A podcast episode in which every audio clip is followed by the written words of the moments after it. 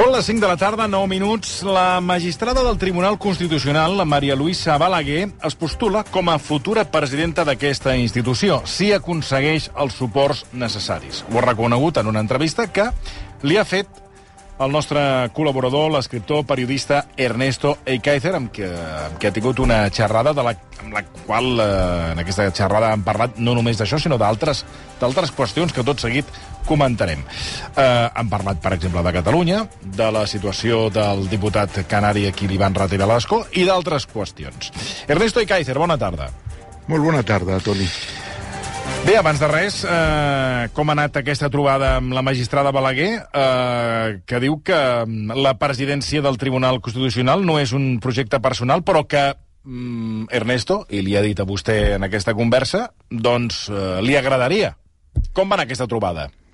Bueno, pues ha sido una larga conversación que tuvo lugar el día lunes pasado eh, 17 de octubre en el Tribunal Constitucional, pues una larga conversación, una larga conversa, como dice usted, que empezó a las 10 y terminó sobre prácticamente las 12 del mediodía. Eh, bueno, yo creo que fue muy interesante porque, mm, digamos, es una entrevista en un momento clave, porque mm, esto puede parecer una eh, una magistrada que, digamos, eh, asume que querría ser presidenta del Tribunal Constitucional. ¿Qué quiere decir? Eh, una vez que se completen los cuatro, las cuatro sustituciones en el Tribunal Constitucional, eso va a ser después de la renovación del Consejo General del Poder Judicial, será inmediatamente posterior, prácticamente inmediatamente después. La ley orgánica del Tribunal Constitucional establece que cuando se mm, mm, renueva un tercio, es decir, cuatro, son doce magistrados, Sí. eh, hay que proceder a- en el Pleno a la elección del presidente. Cambia el presidente.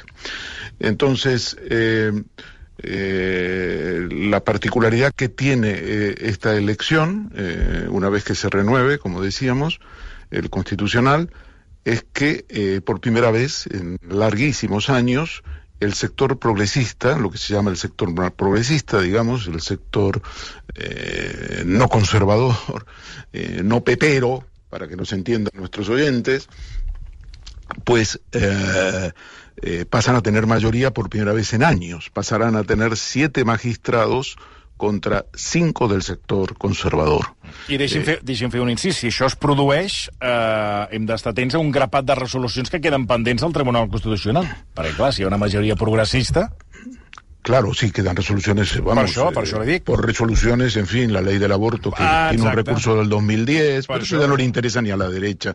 Fíjese que no tenían la posibilidad de plantearlo por parte de Pedro González Trevijano, el presidente dijo que iba a ir en mayo pasado y no ha ido. Ni siquiera de a la derecha tiene interés en esto. Pero bueno, en cualquier caso tendrán que resolverlo. Además hay una, como sabe usted, pues hay una nueva ley eh, de Sí, sí, aborto. clar, por tanto, estamos, estamos hablando de un tribunal eh, constitucional que resuelve cosas después de tantos años eh, que no tienen, eh, en fin, que ya no tiene eh, eficacia. Pero lo importante, eh, Tony, es que por primera vez se produce esta situación, una mayoría de carácter progresista, que no dominaba el Tribunal Constitucional como ha venido siendo dominado durante los últimos nueve años. Entonces, ¿qué pasa? Normalmente el sector progresista elige un candidato suyo internamente. Internamente, ¿de acuerdo? Es decir, se reúnen los siete, eh, en este caso que van a ser siete, van a ser mayoría, eh, contra cinco del sector conservador, y eligen un candidato. Entonces, normalmente debería ser así. El problema es que estamos en un panorama distinto, porque la derecha siempre tiene recursos y cuando incluso se trata de elegir un progresista, dice, sí, elegimos un progresista, pero te lo elijo yo.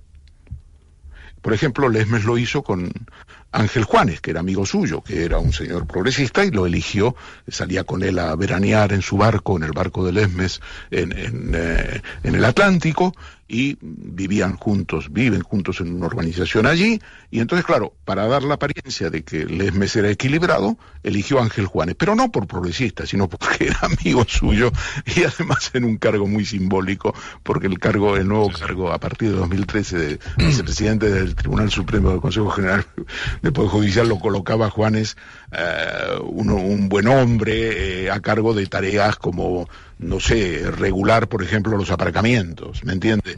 Eh, entonces, claro, el, problema consiste en que ahora se plantea una situación muy crucial, y es que por primera vez el Tribunal Constitucional puede tener un presidente progresista, el Tribunal Constitucional muy presidencialista, muy presidencialista, y entonces, quiero decir, es el presidente en un momento determinado que puede decir, oiga, este es el tema de Alberto Rodríguez, lo quiero resolver ya.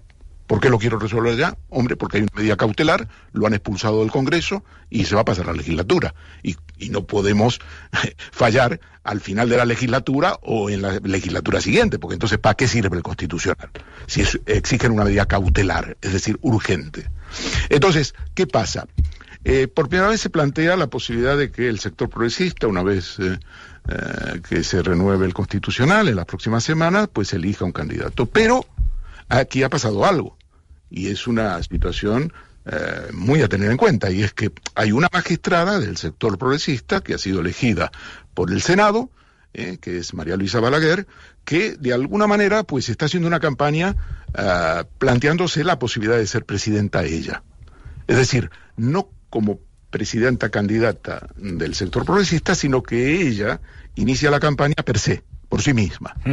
Ella ha tenido contactos con el sector conservador, Mm, por mi información, el sector conservador eh, eh, del Tribunal Constitucional y, ciertos lobbies de Madrid, del Supremo, eh, gente que mm, domina la información y que la transmite a través de los digitales, pues quiere evitar que el candidato Cándido Conde Pumpido, el mejor preparado, el que viene del Tribunal Supremo, el que ha sido fiscal general del Estado, prácticamente uno de los mayores penalistas de este país, pues sea el presidente del Tribunal Constitucional. Sería la primera vez que un penalista ocupa en la historia del Tribunal Constitucional eh, una, la posición de presidente.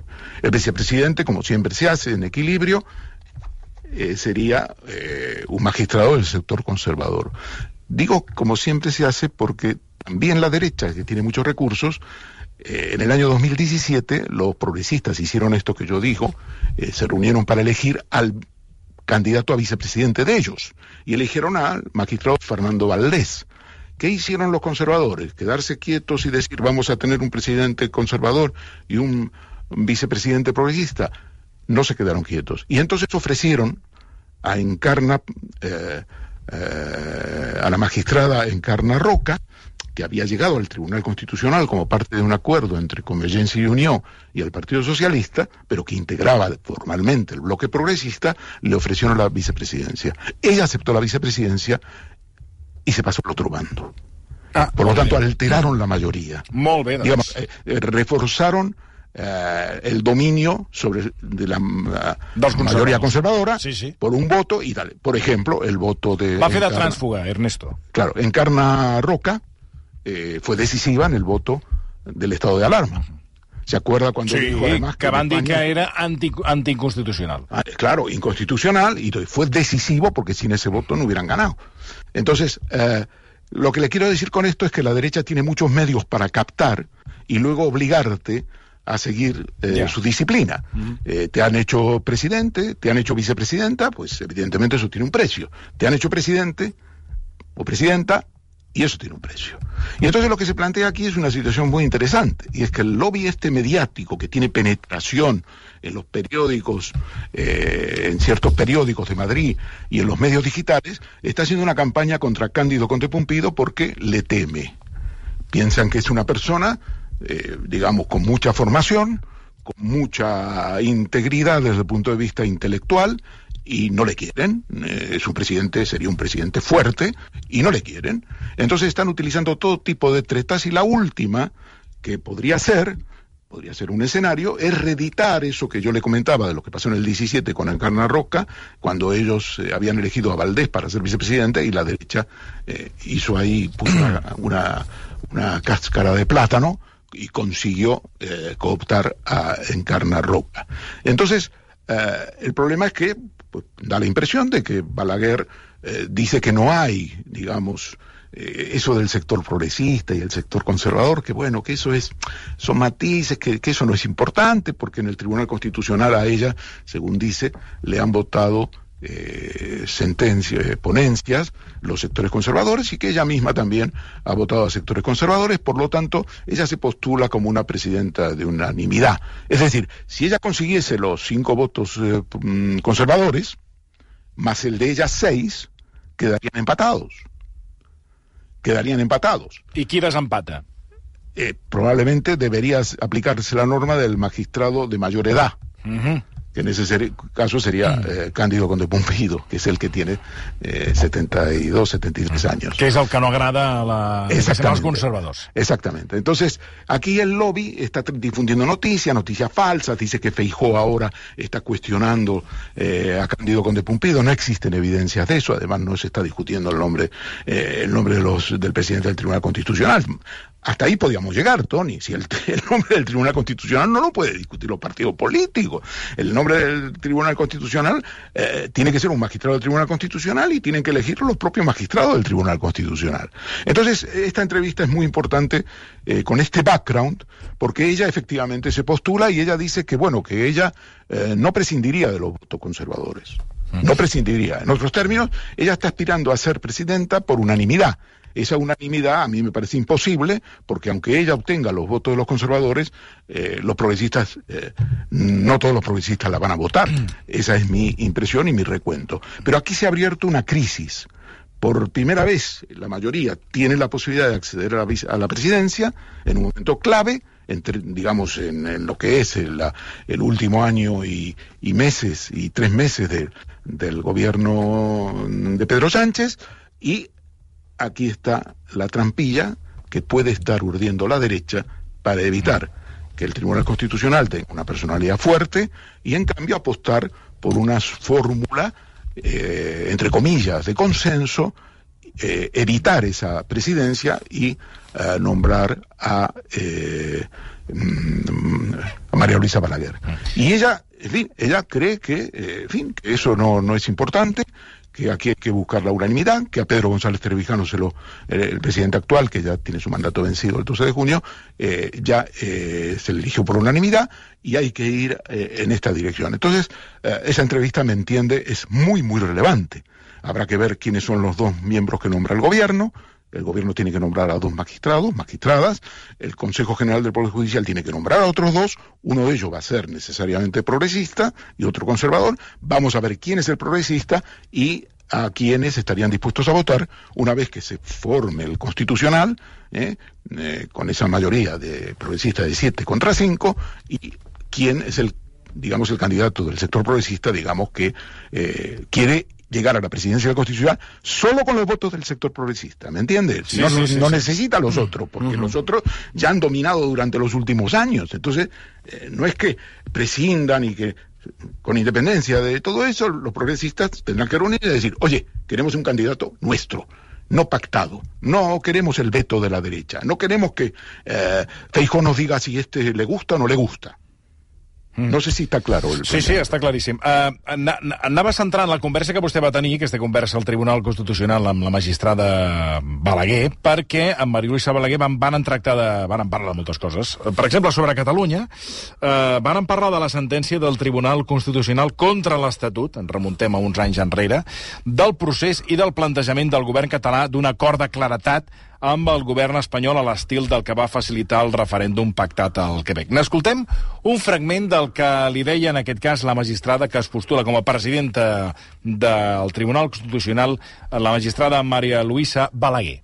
Estos asuntos, si, si alguna vez ocurre, tendrán que llegar aquí, si es que fuera el caso, ¿no? No, yo sobre todo es la, sobre el proceso, lo único que puedo decir es que fue doloroso desde el punto de vista personal, porque algunas de las, quiero decir, mi mentalidad mm, se integraba en un conjunto homogéneo del que yo tenía muchos matices. Entonces, bueno, pues algunas veces con Antonio Siol y yo pues hicimos votos particulares, algunos que, pudieron ser mm, eh, convergentes con la mayoría, que era un voto que ampliaba, y luego ya divergentes de la sentencia del proceso, porque había una jurisprudencia muy clara en la 136-99 que, que, abocaba a un principio de proporcionalidad que, como ve, es uno de mis criterios preferidos para la interpretación de la Constitución. En todo lo demás, eh, bueno, en todo lo demás, pues naturalmente la visión de Estado mm, era clara y nosotros teníamos que defender al Estado, eso lo teníamos claro. Ella reconeix en aquesta conversa, Ernesto, que va ser un error que el Constitucional tombés l'Estatut, que era gairebé idèntic al de l'andalús, i que ningú va recórrer. Uh, podríem dir, segons la magistrada, que aquest és l'origen de tots els mals? Perquè ella també reconeix que això va ser un error. Ella califica, efectivamente, ella dice que esa sentencia fue un error, que el estatuto eh, catalán, votado por el pueblo catalán, era idéntico eh, extraordinariamente similar al Estatuto andaluz y que el Estatuto andaluz, eh, que ella conoce porque trabajaba entonces en, en Sevilla, en Málaga, y era abogado en ejercicio y tenía una, en fin, era profesora de Derecho Constitucional, eh, pues eh, eran dos idénticos y que el de el, de, el, Estatuto andaluz no se eh, recurrió y que el, el, desmenuzamiento que se hicieron, se hizo en aquella época eh, del Estatuto catalán fue un, un manifiesto error, ¿no? Ese, en ese estatuto eh, tuvo un papel relevante un miembro del Consejo, un magistrado del Tribunal Constitucional que nombró el gobierno Zapatero, en el cual tenía confianza. Mm. Se llama Manuel Aragón.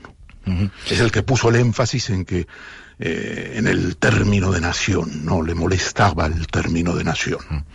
Uh, sobre la proposta... Es decir, que el, que el Parlament definiera, sí, sí. Eh, porque se trataba de eso, ¿no? decía eh, que el, el Parlament de Cataluña define a Cataluña como una nación. Eso no, eso no, no li va agradar. Extirparlo de raïs. Ja. I que va ser, el, diguéssim, l'estirpació d'una segona estirpació, perquè del, del, recordem que de l'Estatut que va sortir del Parlament de Catalunya va passar per les Corts, allà a les Corts, eh, com deia Alfonso Guerra, se li passó... El cepillo. Eh, el cepillo. Qué bárbaro.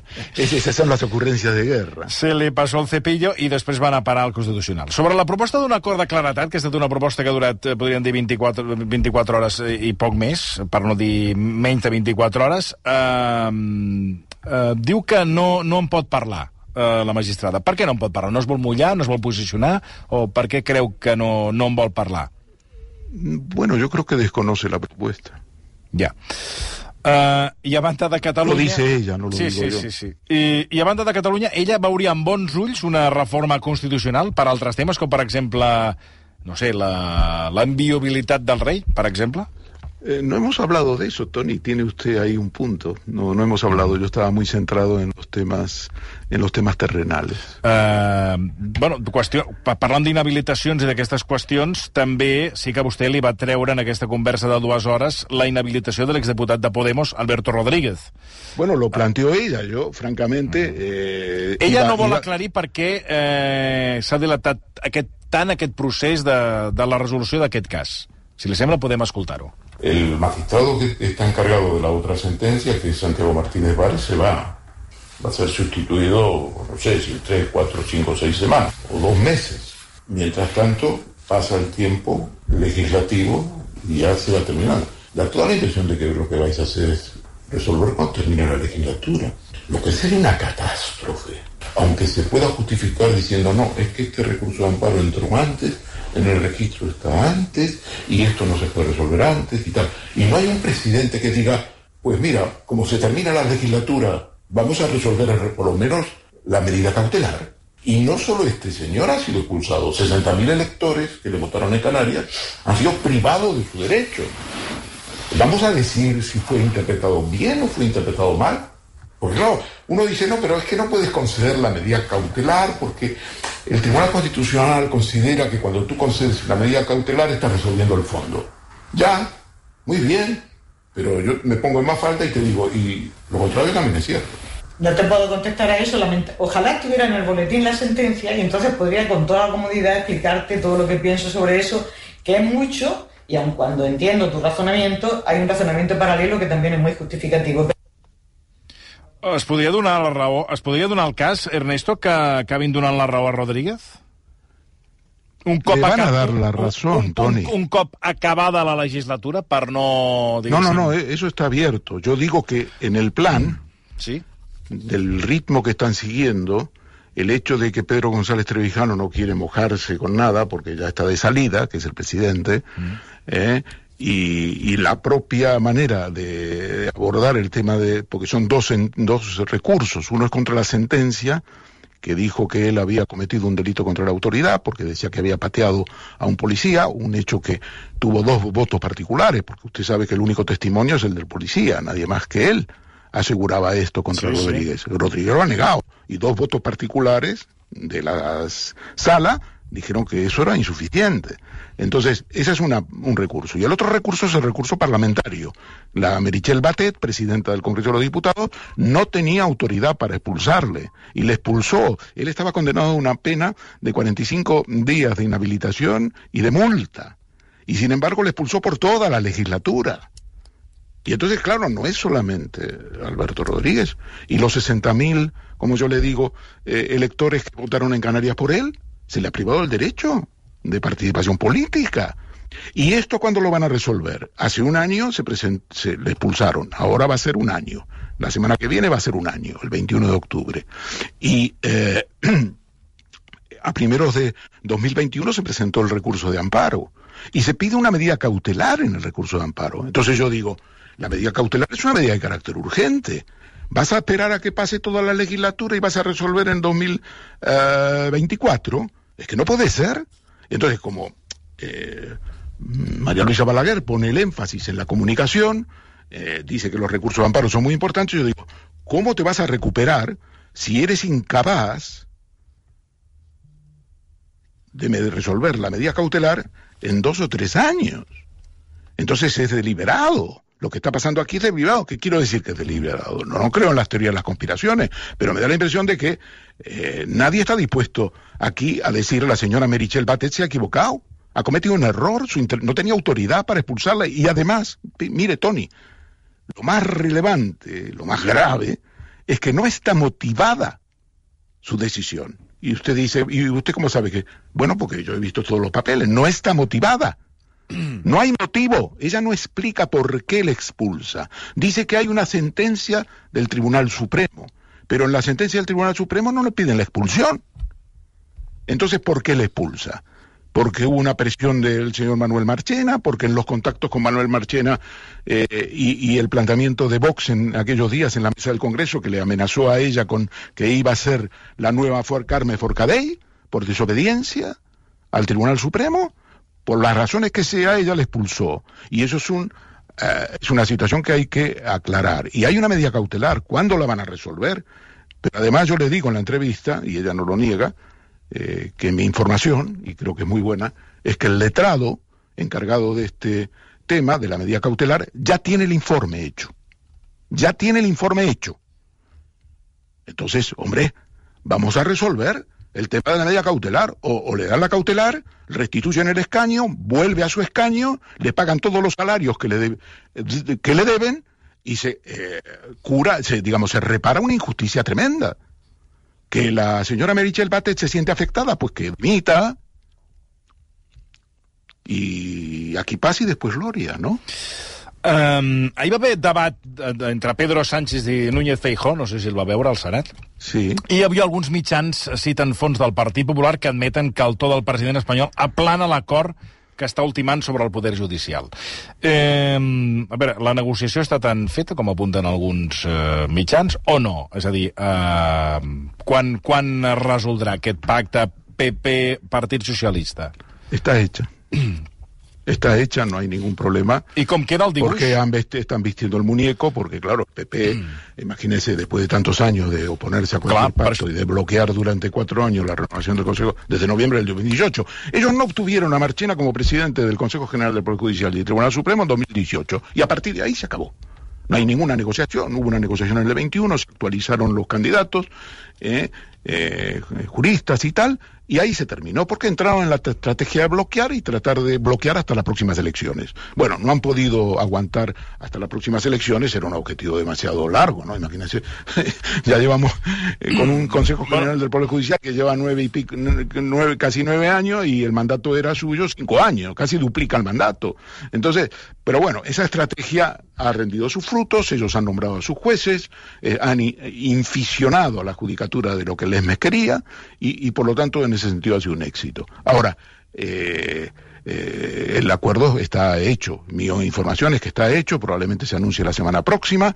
Eh, está por discutir, evidentemente, un tema que es muy, muy importante, porque aquí están los vocales, que serán 10 y 10, 10 para cada, digamos, bloque. En el sentido de bloque, digo, no para el Partido Socialista, sino que el Partido Socialista tenga que incluir a, a Podemos y eh, en el pasado incluía al PNV, aparentemente hay una división, ahora el PNV lo va a incluir el PP para hacer un equilibrio, un reparto eh, más equitativo y serán 10 y 10, entre los cuales en, en los 10 del PP estará uno del PNV y uno de Podemos probablemente esté en el, en el bloque progresista. Y lo que queda es por decir presidente. Yo creo que la presidenta va a ser una presidenta, creo que hay una candidata desde el 2013 que si la hubiéramos elegido hubiera sido, bueno, en fin, no, no puedo decirle lo, que hubiera sido, sino por negativo respecto del ESME, porque el ESME se ha terminado tirando un cóctel Molotov.